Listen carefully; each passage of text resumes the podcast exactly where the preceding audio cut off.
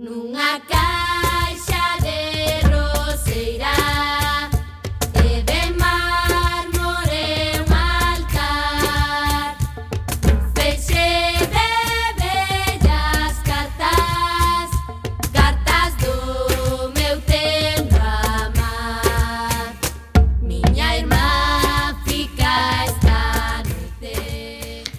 tarde, recendeiras e recendeiros, benvidas e benvidos a este espazo radiofónico semanal dedicado á cultura que facemos en rigurosísimo directo todos os martes ás 7 da tarde aquí en Coac FM na 103.4 a Radio Comunitaria da Coruña.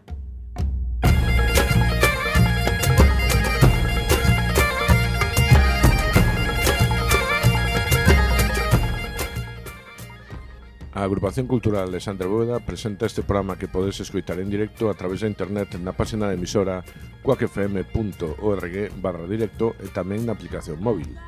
E se non chegastes a tempo non tendes excusa, porque podedes descargar todos os programas xa emitidos no Radioco, que é o servicio de podcast da nosa emisora, ou tamén podedes escoitalo na redifusión, que será os mércores ás 8 da mañá, os venres ás 4 da tarde, e na madrugada do domingo ao lunes ás 12 da noite, por suposto en calquera aplicación aplicación que usedes para escoitar os vosos podcasts.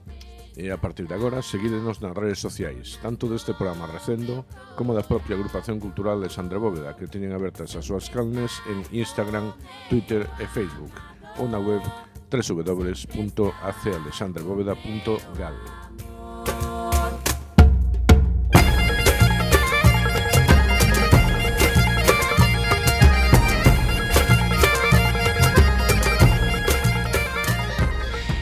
Pois xa sen máis imos caralona a procura desta fantástica aventura cultural. Oxe temos a Roberto Catoira no control técnico e falando escoal manteira Tamén Roberto Catoira. E o magnífico locutor Miguel Anxo Casado. Eh, Facado, perdón, aí Sempre estar con meu amor. O sea, Miguel Anxo Facado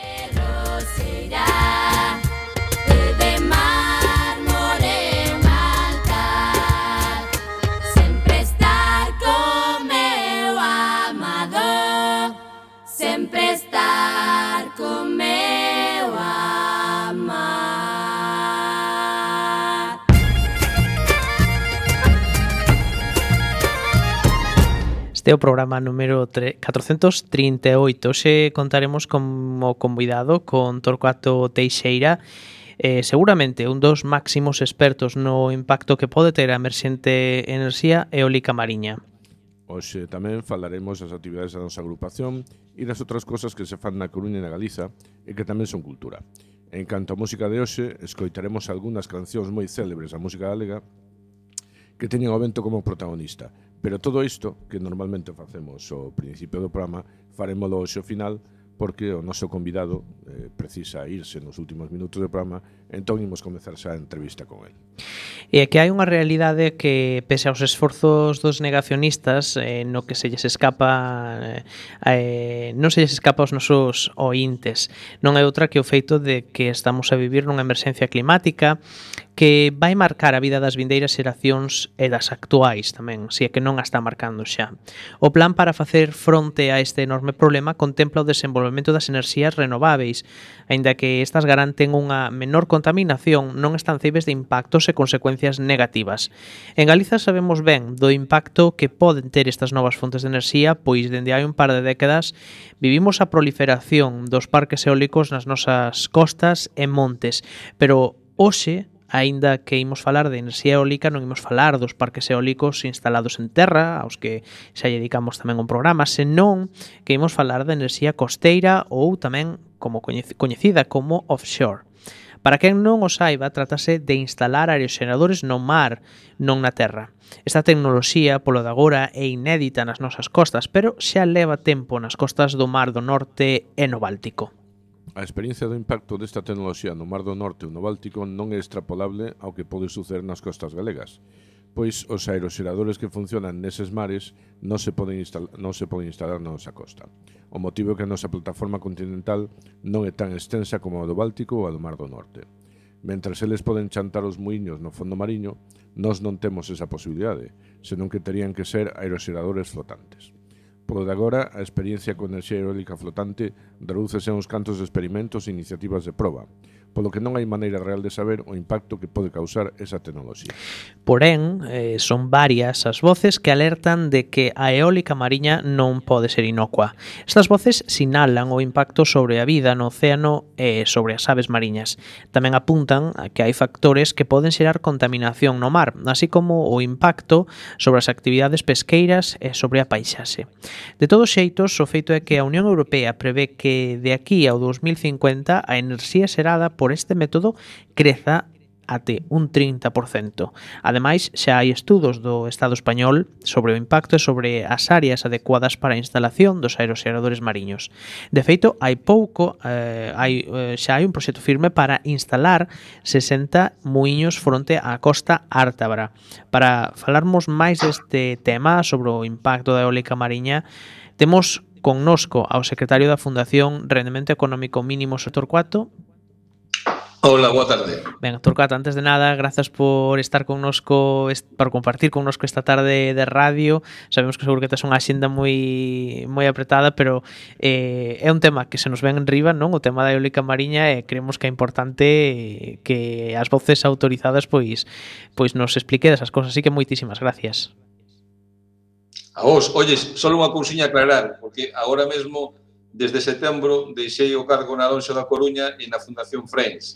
Pois nada, aí... Agora estou exercendo de asesor xurídico da Federación Nacional de Cofradías e de portavoz da Plataforma en Defensa da Pesca e, dos Ecosistemas Marinos. Ben, pois aí queda clara desta que en calquera caso son cargos que ocupaches, o sea que non dixemos tampouco sí. nada, nada. Ben, que por certo, Torcuato, a semana pasada estiveches no Parlamento Europeo explicando moitas das cousas seguro que imos eh, eh das que imos falar hoxe aquí esta tarde, como foi esas como foron esas jornadas no Parlamento Europeo?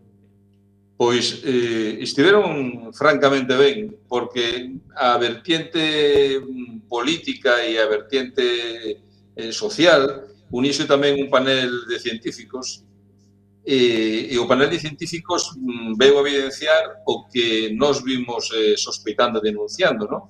de que estas, eh, este tipo de macropolígonos de eólica mariña eh, poden ter un impacto importante nos ecosistemas mariños e, polo tanto, o principio de precaución hai que aplicalo, se cabe, aínda con máis cautela, non?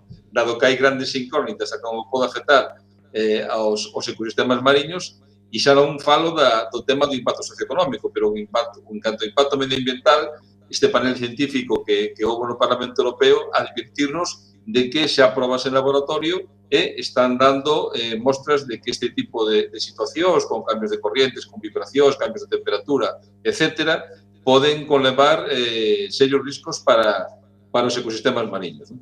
Hmm. Vale, pois disso imos falar hoxe aquí eh, polo detalle eh, Quería comezar preguntándoche se mm, hai volta atrás ou xa temos que ir acostumándonos a esa idea de ver a nas nosas costas cando miremos así ao horizonte no mar eh, e cales son os plans actuais do goberno para a instalación de, da instalación de aeroseñadores mariños? Bueno, eh, o certo e eh, é indiscutible é que o Consello de Ministros de 28 de febreiro eh, aprobou eh, os plans de ordenación de espacio mariño e iso despois trasladouse eh, a un Real Decreto, que é o Real Decreto 150 barra 2023, de 4 de, de marzo, eh, que se publicou no BOI e que xa está en vigor. Eh, nese Real Decreto efectivamente, establecéronse eh, o que son as zonas de alto potencial para, para eólica mariña e, polo tanto, eh, todo o esforzo que se fixera por parte do sector pesqueiro advertindo de que antes de establecer xa cotos reservados a este tipo de macropolígonos de, de eólica mariña había que ter toda a información científica e a mellor información disponible, pois non se fixo. Non se fixo e, como se sole dicir vulgarmente, empezouse a casa polo tellado, non? Agora, nestes momentos, ese, ese Real Decreto necesita eh, desarrollo no sentido de que hai que establecer, en, en teoría, as normas que rexerían a futura subasta de concesións de, para proxectos de eólica mariña nesas zonas potencialmente reservadas, e a partir de aí, bueno, podría iniciarse eh, o que sería xa a instalación nas nosas aguas de, eh, destes proxectos si van para diante tamén en relación á avaliación ambiental eh, que teñen que, que teñen que presentar. Eh, vamos ver nas nosas costas este tipo de macro polígonos de eólica mariña en, en breve non, desde logo, porque as, eh, as datas eh, en que manexan os promotores nos falan do ano 2027-2028, por algúns 2029. Pero certo é que mm, eh, o goberno actual, non sei o futuro, o goberno actual eh, ten claro de que na, nas costas galegas e, de feito, reservou, foi a zona onde máis espacio reservou, uh -huh. deben instalarse este tipo de, de polígonos. Eh, a pesar de que todo o mundo sabe a importancia que ten a pesca como centro estratégico para Galicia e a pesar de que todo o mundo sabe da riqueza biolóxica que teñen as nosas aguas eh, onde se pretenden instalar eses, eses macropolígonos de eólica marina. Hmm. Eh, xusto onte, eh, porque os martes estamos eh, emitindo este programa en directo, eh, o día das des, despois das eleccións, o presidente do goberno anunciou unha, unha convocatoria electoral. Eh, antes mencionáchelo, non sei se un futuro, isto xa é moito tal, non? Pero quizáis un futuro novo goberno podería botar estes plans atrás, ou se hai algo que está como moi eh, claro que, mm, que xa non hai moita marcha atrás. Bueno, eh, aquí hai unha componente tamén de carácter xurídico que non mencionamos. Eh, a Plataforma en Defensa da Pesca e os Ecosistemas Mariños eh, ten interposto un recurso contencioso administrativo ante o Tribunal Supremo contra este Real Decreto e ese, ese recurso ante o Tribunal Supremo busca anular precisamente este Real Decreto en base a consideracións de carácter xurídico que entendemos que se vulneraron como principio de precaución, principio de proporcionalidade, normas internacionales que obrigan a España a protección do medio ambiente, etc. Non? Eh, contamos, ademais, temos a sorte de que mm, contamos ca xente da Universidade de Coruña, ca xente do Observatorio do Litoral, que nos está axudando eh, a hora de fundamentar e argumentar esta demanda que ten como interese e como objetivo tumbar pola vía xurídica os plans de ordenación de espacio mariño e eu creo que despois a componente política vai ser tamén moi importante. A decisión esta non é unha decisión técnica, a Unión Europea non obrigaba a que se estableceran xa nos points unhas zonas para este tipo de industrias, foi unha decisión unilateral do goberno español, e agora eh, o que vamos intentar facer é que o goberno se siga o mesmo goberno, que cambie de opinión, e se ven un goberno distinto que evidentemente teña outra perspectiva eh, diferente a que, a que tivo este, este goberno que adoptou esta, esta decisión. Tamén teño que dicilo, non teño moita fe en que se hai un cambio de goberno, vayamos ter unha perspectiva diferente. Mm. Incluso, mellor incluso, diría que poden empeorar. Pero bueno, vamos deixar todo eso así no aire. Mm. Um, e falando de gobernos, eh, o goberno da Xunta, mm, como se posiciona en todo isto? O goberno da Xunta, eh, no Observatorio Electoral eh, da, da Xunta de Galicia, onde participa o sector e as industrias, sempre di o mesmo discurso, é dicir, que mm, non se pode dicir non, tampouco di o sector, o sector non di non rotundamente, non somos o dos non, dicimos non así, é dicir, habrá que ver se é posible. E a Xunta tamén está dicindo, habrá que ver se é posible. E a Xunta asume as liñas rosas que o propio sector defende, que non se pode impactar nos ecosistemas mariños e non se pode impactar nun sector en Galicia eh, estratégico esencial como é a pesca. Eh, si iso se pode facer, se poden instalar macropolígonos de eólica mariña nas aguas galegas respetando esas dúas premisas, ninguén se vai opor, efectivamente, porque creo que a aposta polas renovables, nesta ausencia que temos de sustituir os combustibles fósiles por enerxías limpias, é evidente, non? Hmm. Pero claro, eh, no que non podemos facer é destrozar eh, os ecosistemas mariños e acabar con un sector de, da importancia económico-social que ten a pesca para instalar estes macroproxectos de eólica mariña que ademais precisamente os promotores sabemos quenes son, as ferrovial, os Naturgy, Iberdrola, empresas participadas por fondos soberanos estranxeiros, etc., que evidentemente nada teñen que ver cas empresas que debemos defender, que son pequenas e medianas empresas, que asentan poboación nas miras mariñeiras e que evidentemente nada teñen que ver cos objetivos destas industrias energéticas que, ni máis ni menos, que eh, ter uns importantes dividendos para os seus accionistas, única e exclusivamente. O da aposta polo cambio climático é totalmente coyuntural e creo que todos o temos claro. Non? E mencionáchelo antes, pero queremos saber como se compaxinan estes plans con feito de que o Estado español xa cumpriu co seu compromiso coa Unión Europea da, eh, bueno, de, da inerxía eólica instalada, non? Acabas de decir tamén que foi unha decisión unilateral do, do goberno español. Que pode haber detrás disto? Bueno, eu creo que o, o diseño de, dos plans de ordenación de espacio mariño, cando debían ter eh, unha unha ruta de diálogo aberto e claro, de transparencia e de participación dos nosos científicos, neste caso, os especializados en ecosistemas mariños, que é o Instituto Español Oceanográfico, pois non se fixo nada deso. O, o, o diálogo co sector prácticamente foi residual e anedótico, eh, a participación dos nosos científicos, neste caso, o Instituto Español Oceanográfico, prácticamente nin contaron con eles, están nun segundo ou nun tercer plano, e os objetivos que, que ten España en canto a consecución de, de renovables, curiosamente en Galicia, os objetivos que hai eh, por parte de España para 2030, incluso por parte da Unión Europea, en Galicia, en canto a producción de renovables e consumo de enerxía eléctrica procedente de renovables, xa os temos conqueridos. E ca cantidad hora de renovables que por terra tamén lamentablemente se aprobaron, están pendientes de instalarse, pois creo que vamos a estar sobrados, non? Estamos nos convertindo en uns produtores de enerxía renovable que todo mundo ben sabe para que é, non? E para, ao final, pois, eh, casi eh, convertirnos nunha colonia enerxética e que vai producir eh, enerxía a gran escala para beneficios de outros e para moi pouco beneficio da sociedade galega. Como xa está ocorrendo, por outra parte, que xa temos a, xa temos a experiencia, non? Efectivamente.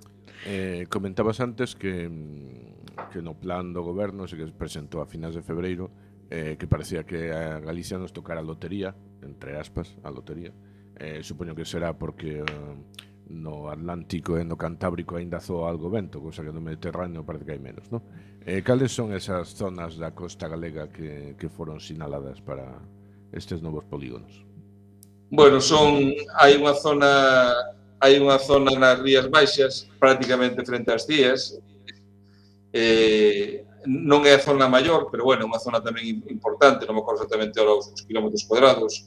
Hai unha gran zona frente a Ortegal, a zona Nordous, que é unha zona de case 1.800 km cuadrados, e despois pola zona da, da Mariña tamén hai tres zonas tres zonas importantes. E todas as zonas que hai frente á Costa Galega veñen a supoñer casi 2.300 km cuadrados, prácticamente casi o 50% da superficie en reservada para a eólica mariña nos point, pois o 50% casi está está frente frente ás costas frente ás costas galegas. E o, o diseño que non fai é fundamentalmente son os promotores. Os promotores o único que miran, efectivamente, as zonas onde máis rentabilidade polo, pola forza do vento poden quitar e onde menos custe para eles manter. É dicir, por eso queren tenos tamén próximos próximos á costa e mesmo na plataforma continental, porque al anunciar eses, eses polígonos eh, longe da plataforma continental, tiríalles un, un onde non, e eles evidentemente o que intentan desde o seu punto de vista empresarial é maximizar os beneficios a custe do que sexa. E neste caso queren maximizar os beneficios a custe de poñer en risco os ecosistemas mariños e a custe de eh, impactar claramente nun sector estratégico para Galicia como é o sector pesqueiro. entonces o diseño se fixo en base a eso, é dicir, en base a que os promotores dixeran ya ao Ministerio onde eles podían dar maiores rentabilidades E o tema, evidentemente, dos ecosistemas mariños e a actividade que ali se desarrolla por parte de moitos buques pesqueiros é totalmente secundario. Diríamos que, en termos bélicos, somos un dano colateral, non? Que hai que asumir e, e, e punto, non? E, e bueno, e, eu sempre digo moitas veces, os promotores o único que teñen interés é que haxa vento. E, e canto máis vento, mellor. Non, evidentemente, nos interese que sigan existindo os recursos que hai na nosa rica costa e temos interés en que a nosa actividade, que é moi importante en moitas vilas de, de Galicia, pois tamén siga existindo. Non? E temos entendido que fronte a Costa Ártabra habería un desos parques. Sí, sí, no, hai... Non me acordo exactamente, eh, frente a Costa Ártabra creo que chamado Nordous, eh, Nordous. E, e é o parque de máis, eh, máis, máis amplo, non? E claro, o que intentan decir tamén é que mm, vamos a ver, non debedes preocuparvos porque apenas é o 0,45% da superficie mariña a que se está reservando para a eólica mariña. Bueno, ese é, unha, é un dato tramposo. É dicir, eh, efectivamente, eh, España, o Estado español, eh, son un millón de kilómetros cuadrados as aguas territoriales, o que se, a, a, neste caso a demarcación noratlántica, que onde se encontra a costa galega, son 300.000 kilómetros cuadrados, claro, sobre esos 300.000 km cuadrados, eh, eh, o que fala o Ministerio é que apenas o 0,40% da superficie é o que se ocupa, pero claro, todo o mundo sabe, e ou polo menos debían saber o, o Ministerio, que a pesca e a gran riqueza dos ecosistemas se encontra principalmente na, na plataforma continental. E aí, en Galicia temos unha plataforma continental moi estreita, e aí, nesa plataforma continental, é onde precisamente traballa a gran maior parte do, do sector pesqueiro. Por lo tanto, se si ocupas prácticamente eh, unha quinta parte ou dúas quintas partes desa superficie onde traballa o sector pesqueiro e onde se encontran os principales eh, caladeiros de pesca, estás facendo eh, un impacto importante e non podes intentar disfrazalo con ese porcentaxe sobre a totalidade das aguas mariñas que ten España, que evidentemente son cousas distintas. A parte dos miles de kilómetros cadrados onde habería impacto paisaxístico, pero se non lles importa o impacto na pesca, xa o impacto na paisaxe xa, eso é ciencia ficción directamente. Non, a prioridade foi a que foi. A prioridade e además, eh, incluso, eu acordome dunha noticia que, que era cando se aprobaron os POIN, os POINs aprobaronse nun Consello de Ministros do martes e o mércoles salía a gran patronal de Eólica Mariña dicindo que non entendía eh, as queixas e xa as mobilizacións que anunciaba o sector pesqueiro porque efectivamente eles renunciaran en relación ao borrador, o borrador eran 8.500 km cuadrados, renunciaran ao 35% da superficie. Decir, o, que o que evidencia é que eles mesmos diseñaron os espacios eh, e además foron ao, foron ao grande, evidentemente, para despois vendernos de que estaban renunciando ao ese 35% e que, por lo tanto, xa fixeron un gran, un gran sacrificio. Non? Uh -huh.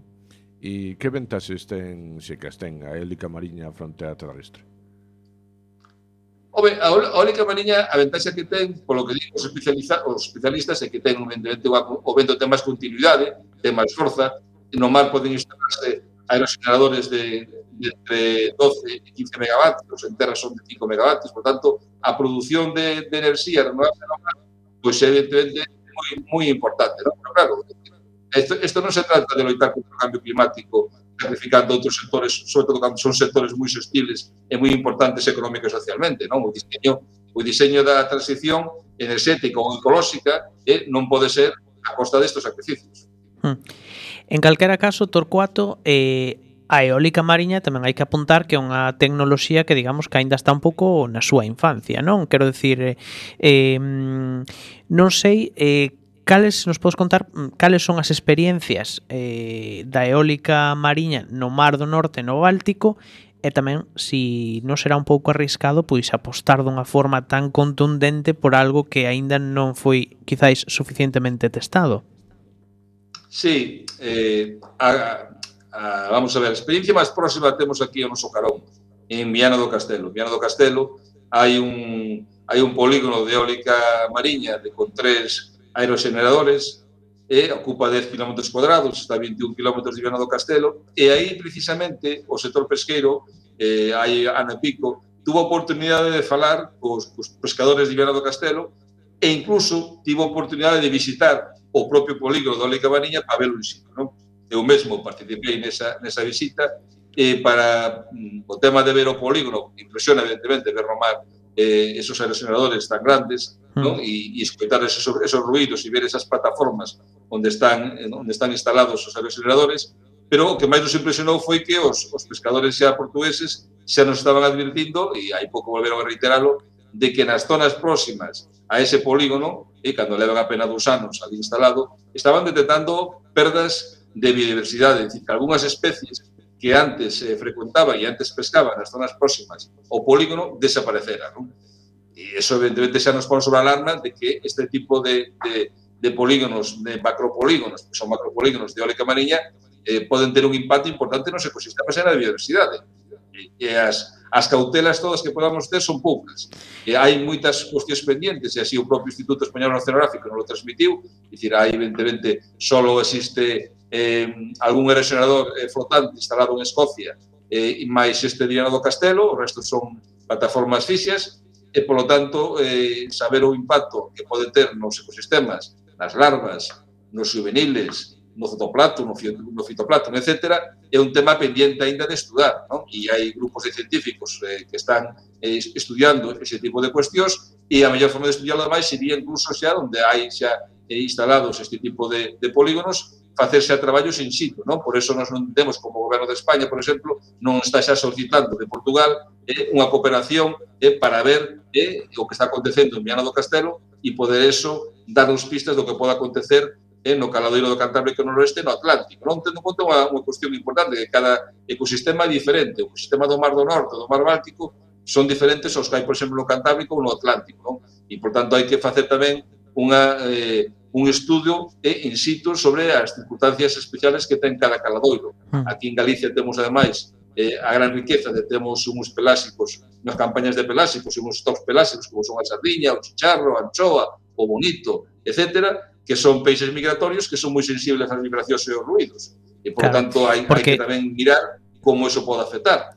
Si, hai porque informes, para a nosa audiencia que, que, para a audiencia que non o saiba, eh, estas instalacións pois son bastante grandes, non? E ademais das vibracións e o ruido, eh, tamén preocupan pois os cabos que que van á terra, non? Non sei se iso tamén pode afectar, é dicir que hai como eh diferentes preocupacións aí, digamos. Sí, os cabos é un problema tamén importante pola enerxía electromagnética que desprende, non? E que eso, e que eso pode conlevar en, en relación ao, aos ecosistemas mariños, que son moi sensibles a este tipo de, de, de enerxías. Se fala algún, algún proxecto, se fala que se poden enterrar, pero, bueno, nos están dicindo que incluso, ainda que se enterrara, o, o impacto xa de, de, de 20 ou 30 kilómetros escarbando os fondos mariños para enterrar estes cables, se é importante. Ainda sería peor. Ademais, creo que, ainda enterrados, é, é moi complicado que a enerxía electromagnética non saia deso, desos cables en maior ou menor intensidade.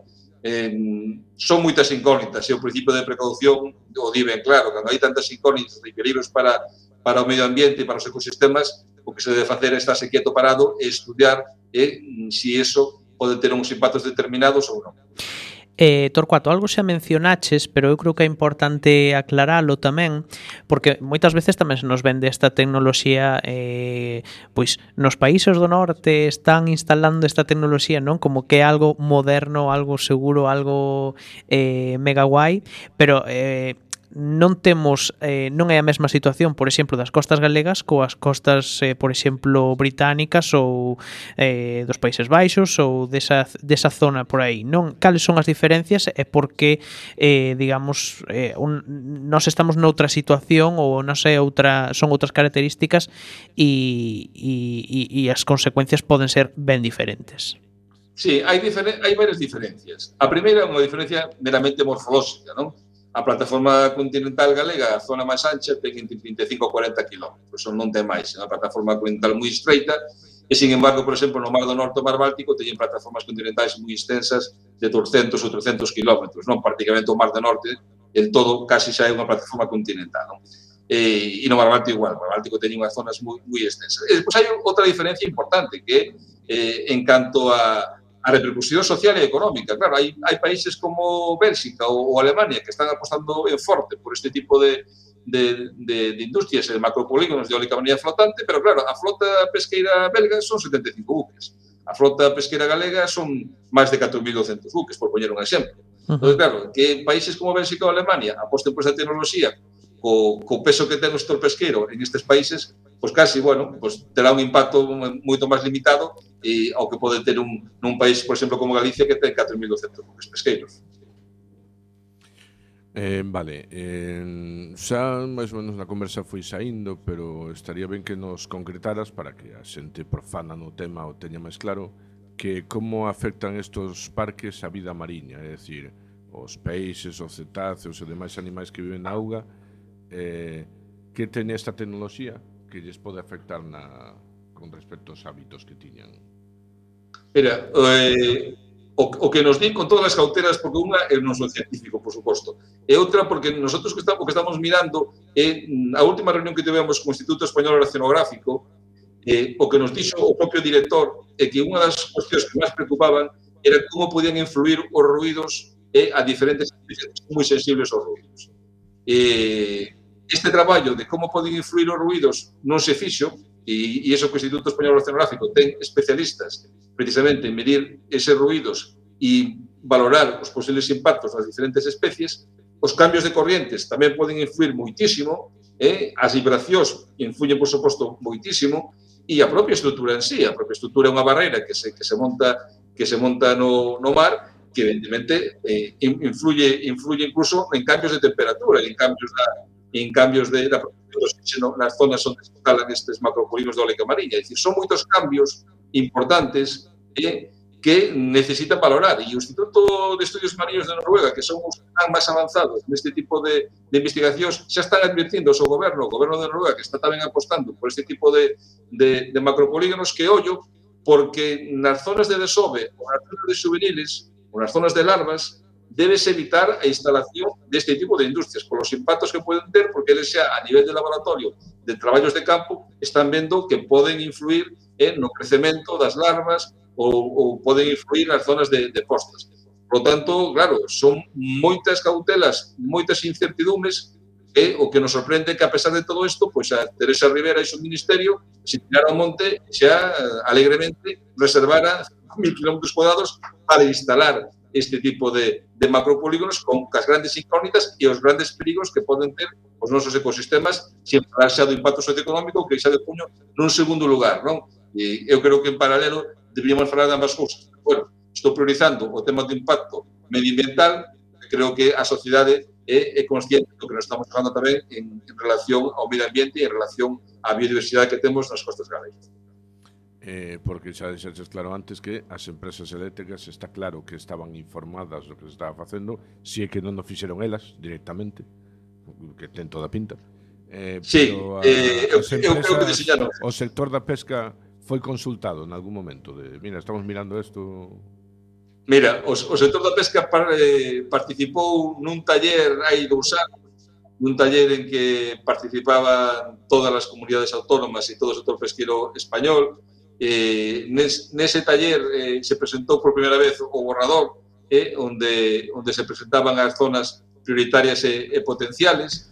Eh, quedouse en, en aportar información desde un punto de vista de posibles impactos medioambientales e impactos socioeconómicos, non se aportou ningún tipo de información ao respecto, e despois o sector pesqueiro, sobre todo o galego e o asturiano, que está integrado na plataforma en defensa da pesca dos sistemas mariños, forzou unha reunión, forzouna, porque non nos quedou outro remedio co secretario xeral do Medio Ambiente para pedir explicacións sobre o que estaban facendo e o que pretendían facer. Non? E cando chegamos a, a esa reunión co secretario xeral do Medio Ambiente, como o Morán, demos conta de que prácticamente xa tiñan eh, articulado e xa tiñan acordado o que iban facer. Non? Nos explicamos ali na delegación do goberno cuestións que nos entendíamos importantes, incluso con información directa dos nosos patróns de pesca sobre as zonas de pesca que había nas, nas que eles pretendidamente intentaban facer como prioritarias ou potenciales para esta industria, e a cara de sorpresa, incluso me acordo perfectamente do secretario xeral de Medio Ambiente, foi cando dixemos que unha das zoas que estaban pretendendo eh, reservar como prioritario potencial estaba precisamente sobre unha zona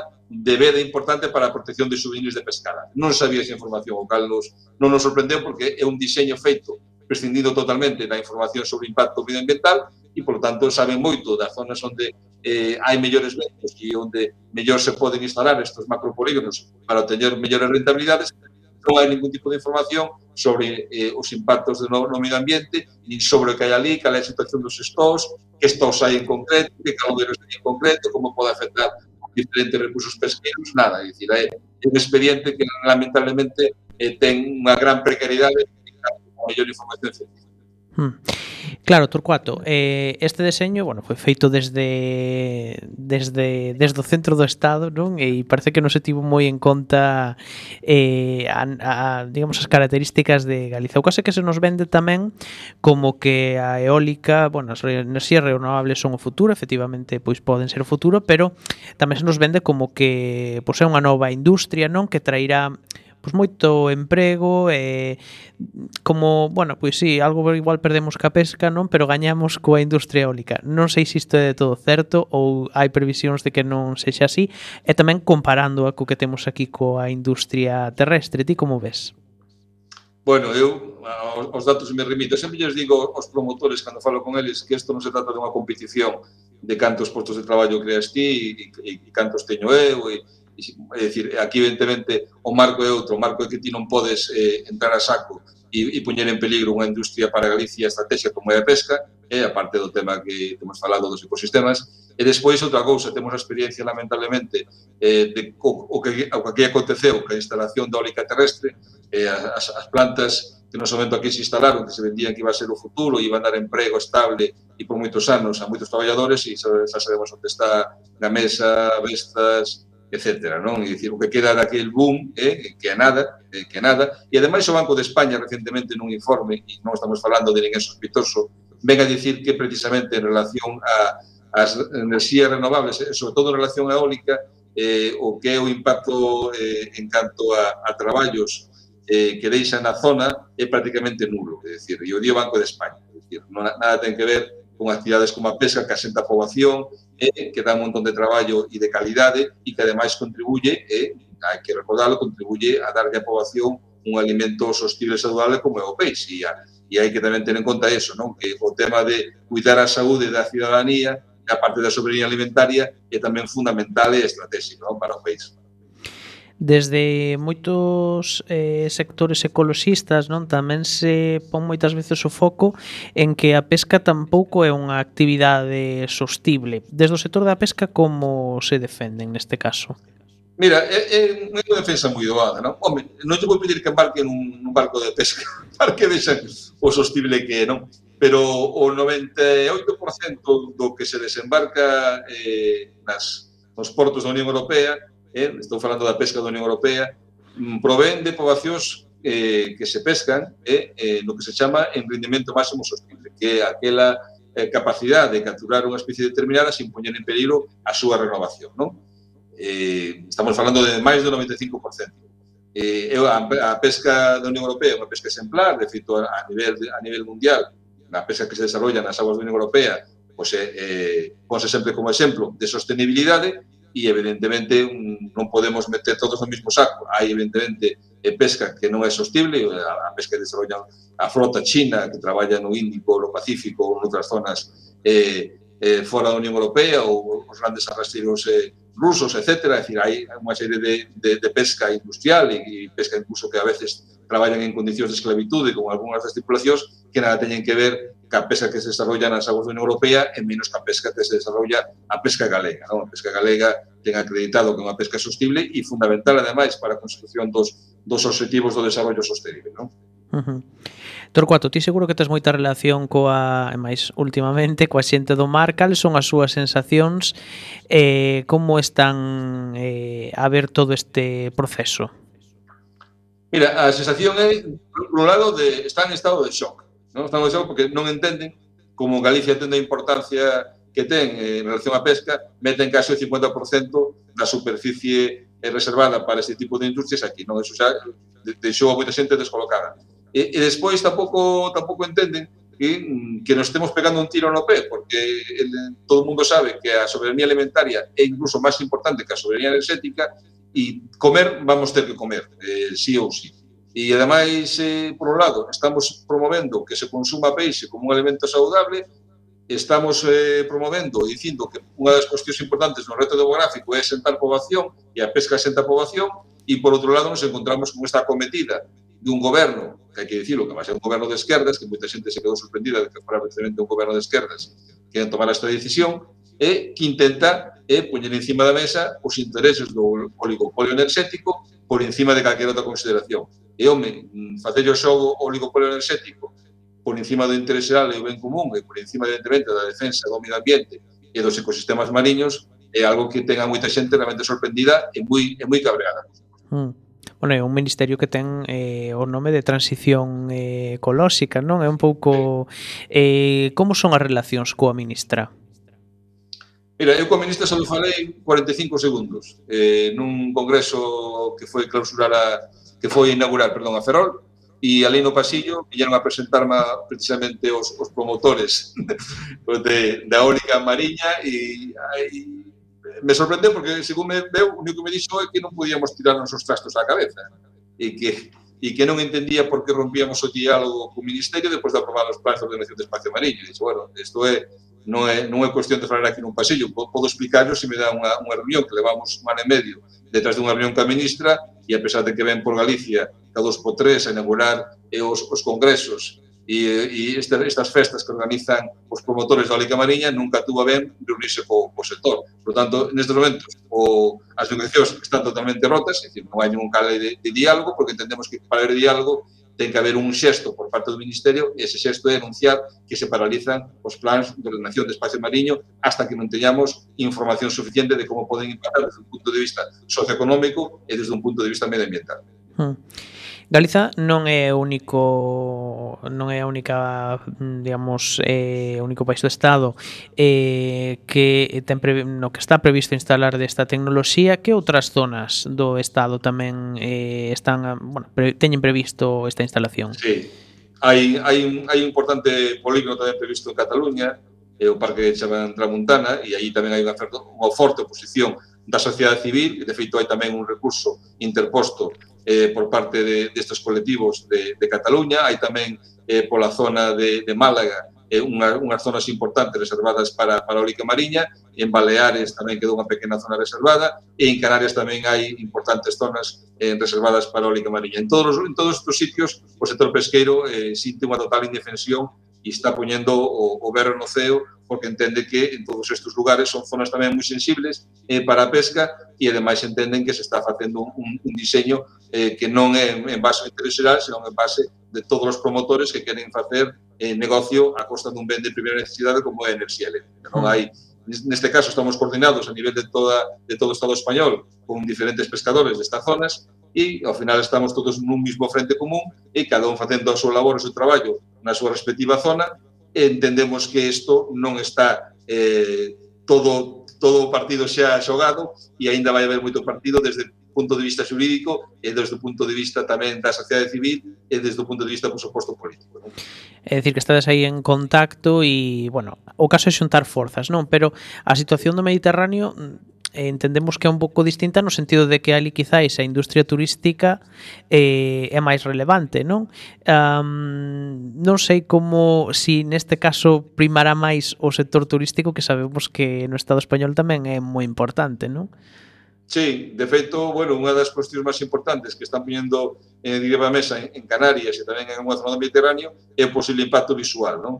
pues son, están máis próximos á costa, á costa e entenden que eso, eh, tendo en conta, como ti ben dís, a importancia que ten o turismo nesas zonas, pode conlevar tamén eh, un importante impacto neste, neste sector. Uh -huh. Vale, pois eh, nada, quedanos eh, dous minutiños de conversa. Eh, non sei se Roberto quere apuntar unha cousa máis, senón eh, rematamos indicando que tamén é necesaria moita inversión para montar estes parques eólicos, moitos cartos, de onde sae este diñeiro? Antes xa mencionaches uns nomes, creo eu. Sí, no, eh, vamos a ver, hai, eu creo que son, fixen as contas outro día, dos fondos que hai en disposición eh, por parte da Unión Europea para este tipo de inversións e que teñen que ver ca, cas enerxías renovables e co pacto co Pacto Verde son 15.000 millóns de, de euros entre os fondos de Generation e outros, outros fondos que hai por aí a disposición destas industrias. Desde logo o negocio é o negocio do século. Subvencionanche en un porcentaxe importante as instalacións, mm, despois ben sabemos como funciona o, o mercado o mercado eléctrico, garantizan incluso eh, un posible precio mínimo de rentabilidade e faz un negocio con un ben de primeira necesidade a costa de, de un sector como é a pesca e a costa de, de uns ecosistemas mariños tan vulnerables e tan importantes o, na súa conservación.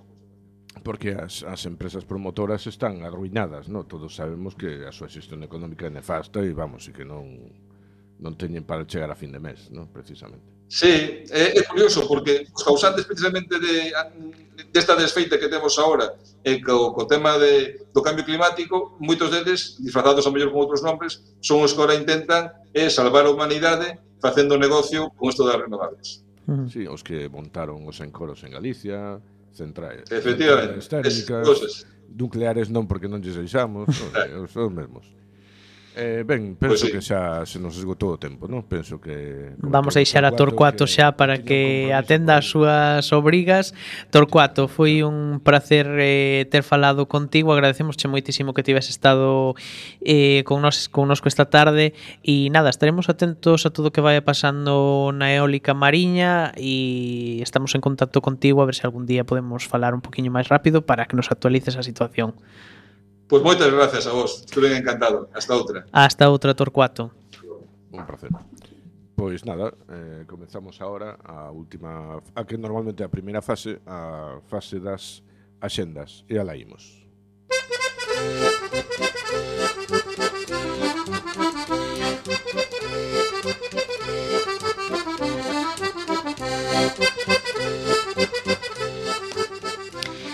Pois sí, hoxe mudamos un pouco eh, a escaleta deste programa deste martes. Eh, eh, Comezamos pola xenda da nosa eh, asociación Como sempre, polo mércores 31, é dicir, mañá Porque o Clube de Lectura de Literatura Universal que coordina Xoan Costa Está a ler O Home sen Nome de Suso de Toro E virá o propio Suso a un encontro coa xente do clube. Se liches este libro e queres asistir Podes facelo enviando un correo. Será ás 6 da tarde de 6 a 7 cuarto no noso local na Rúa de Santo André, número 36, primeiro andar, no Circo de Artesáns. E por que ata sete cuarto? Pois porque a sete media temos outra cousa, que son os días densos. Mañá, mércores tamén, entre un, damos comenzo a un ciclo sobre pintor urbano Lugrís que titulamos Lugrís 50 anos despois. Eh, Miguel, imos ter que falar deste tema en reserva tamén, que é importante. Eh, xa que neste 2023 fai 50 anos o seu pasamento. Fa facémolo con Antón Patiño, pintor ensaísta e unha das voces máis autorizadas para falar do urbano do Gris. Nas vinderes semanas haberá charlas de Chisco Fernández Naval e Olivia Rodríguez e incluso un roteiro con Xurxo Souto e de Rodrigo Osorio. A sete e media da tarde de mañá será esa primeira charla e a xenda da Alexandre Bóveda non para o xoves un dentro do ciclo Outras historias de cinema o crítico programador e produtor Martín Pauli falarános do certame Curtas Vila do Conde que comezou en 1993 eh, sobre a corta metraxe en Portugal. Será a sete media no noso local. O Vendres 2 presentamos a curtametraxe documental producida por Demo e que completa o produto transmedia O Reiciño de Galicia premiado en 2022 nos Premios Reino de Galiza da Deputación da Coruña. O documental, dirixido por Manuel Cráneo, analiza o interese do escritor francés Víctor Hugo neste rei galego, García II de Galiza, e procura puntos de conexión coa realidade histórica. Será sete media no noso local do Circo de Artesanos. O sábado 3 imos recorrer o Parque Escultórico da Torre para coñecer as súas obras de arte. Contaremos con dous escultores que teñen ali obras, Soledad Penalta e Pepe Galán. Xulio Montero, percebeiro e activista, falarános da súa microtoponimia e a súa diversidade grazas á guía e o roteiro Carmela e Galego. Sairá ás 12 do cárcere e dura algo menos de dúas horas eh, por último esta tensísima semana, o dun 5, retomamos o ciclo pensam de, pensam de pensamento Pensando en Futuro con cinco voces diferentes que quere ser un xeito de contar o mundo. Nesta ocasión é a quenda de Neves Bisaboa, catedrática da Universidade da Coruña, pertencente ao Departamento de Ciencias da Computación e Tecnologías de Información. Eh, falará ás sete e media da tarde no noso local.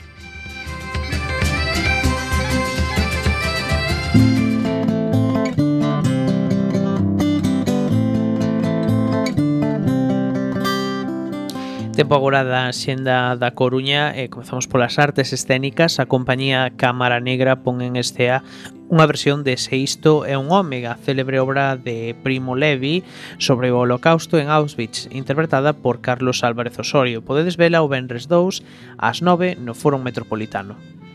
A compañía catalá Teatre al Detal trae o, a obra infantil A nube grande, grosa e gris que conta a historia dunha nube viaxeira que despois de percorrer o mundo e acumular auga e máis auga fixose grande, grosa e gris. Representa don domingo 4 no Ágora con sesións ás 11:30 e 13 horas.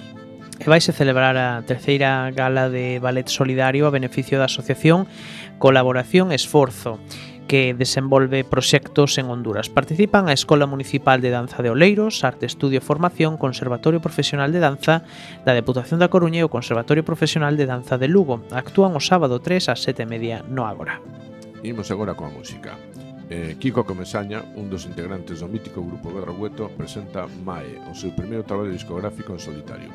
Estará acompañado por unha banda integrada por Carmen Gallego, violín e Niquelarpa, Marcos Padrón, acordeón, Paula Davanes, arpa céltica e Lendra Deltel na percusión.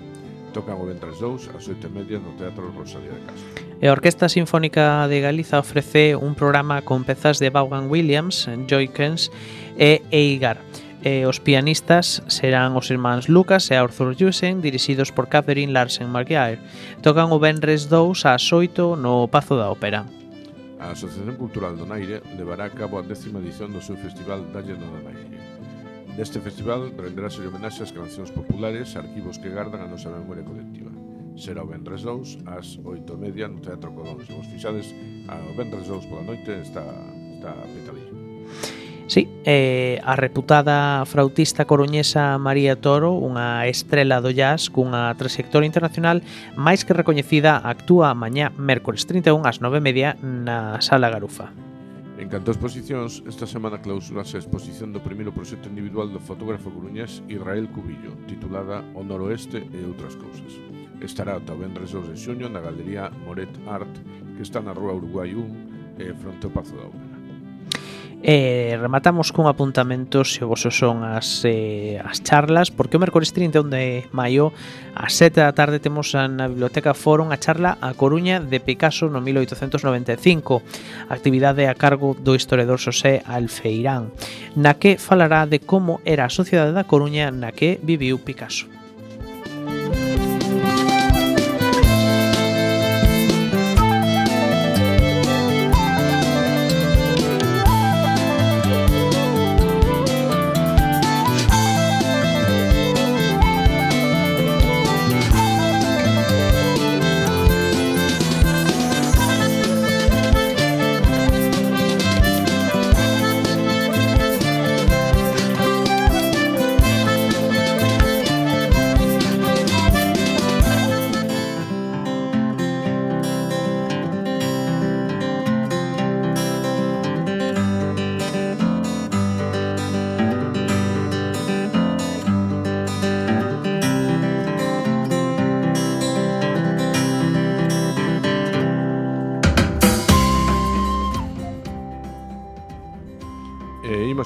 Xenda da Galiza. Comezamos por Ferrol, Ferrol estarán celebrando que o seu equipo de fútbol subiu a, a seguinte categoría, están xa moi contentos. Xa temos falado aquí nalgúna ocasión anterior da obra de teatro infantil A nena das trenzas ao revés, da compañía Callejón del Gato, que está gustando moito. Ahora podes vela o domingo 4 ás 12 da mañá no Teatro Jofre. Eh, Os Remedios é un barrio de Sevilla construído nos anos 50. Os Remedios é unha peza tamén da compañía Ex Límite, na que dous amigos da infancia se xuntan para tratar de entenderse a base de representarse a eles mesmos, as persoas do seu entorno e ao seu contexto social. Actúan o un, ou xoves un, ás oito e media no Auditorio Gustavo mm, Auditorio Municipal Gustavo Freire de Lugo. Imos agora ata Vigo. Seguro que xa estás namorados de Caixa e Roseira, a magnífica canción do grupo Faltriqueira que serve de sintonía a este programa. Pois Faltriqueira, despois de moitos anos, volve aos escenarios e dando un concerto vendres dous ás nove e media da noite na fábrica de chocolate. E eh, ímonos a Pontevedra porque a compañía Chévere eh, implicouse moito durante a catástrofe do Prestige, por iso 20 anos despois presentan a montaxe Nevermore, que segue de xira e chega o Benres 2 ás eh, 8 e media no Pazo da Cultura de Pontevedra e ademais é unha obra co selo de calidade recendo eh, moi recomendada. Imos agora ata a capital, Santiago. Por esta zona do planeta hai unha certa profusión de bandas tributo a Dire Straits. E unha das cousas que máis les gusta facer é tocar en directo o disco Alchemy. A banda Alchemy Project toca o sábado 3 ás 9 da noite na Sala Capitol. E toca dar o chimpo a Ourense, ai Ourense, prosegue tamén a xira de Carlos Blanco e Xosé Antonio Touriñán co seu espectáculo Somos Criminais 3. Xa sabedes que as segundas partes nunca foron boas, así que pasaron directamente da primeira parte á terceira. Actúan o domingo 4 a 6 no Teatro Principal e remontamos o noso paseo por Galicia coa nosa vila convidada, esta vez que Cedeira. The Great Greta é un espectáculo multidisciplinar para xente miúda que combina danza, humor e circo para levar a escena unha oda a xente rara que sae dos estereotipos existentes na sociedade actual. Eh, poden vela en Cedeira o sábado 3 ás 8 da tarde no Auditorio Municipal.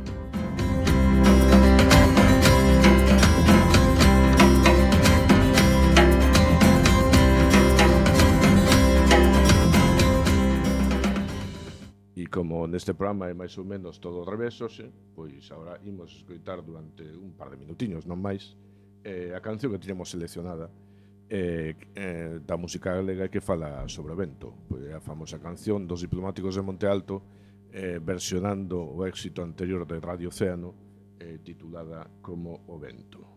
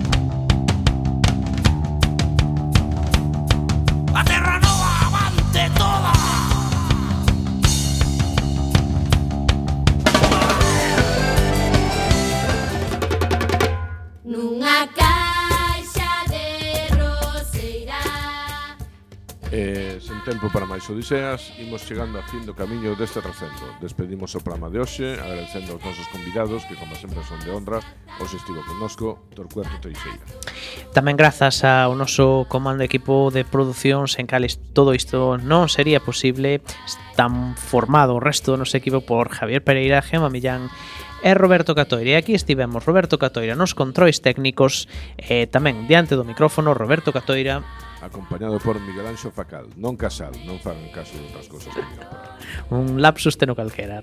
Acompañándote neste ración de palabras e imaxes radiofónicas que nos traen este aroma cantado da nosa lingua e que nos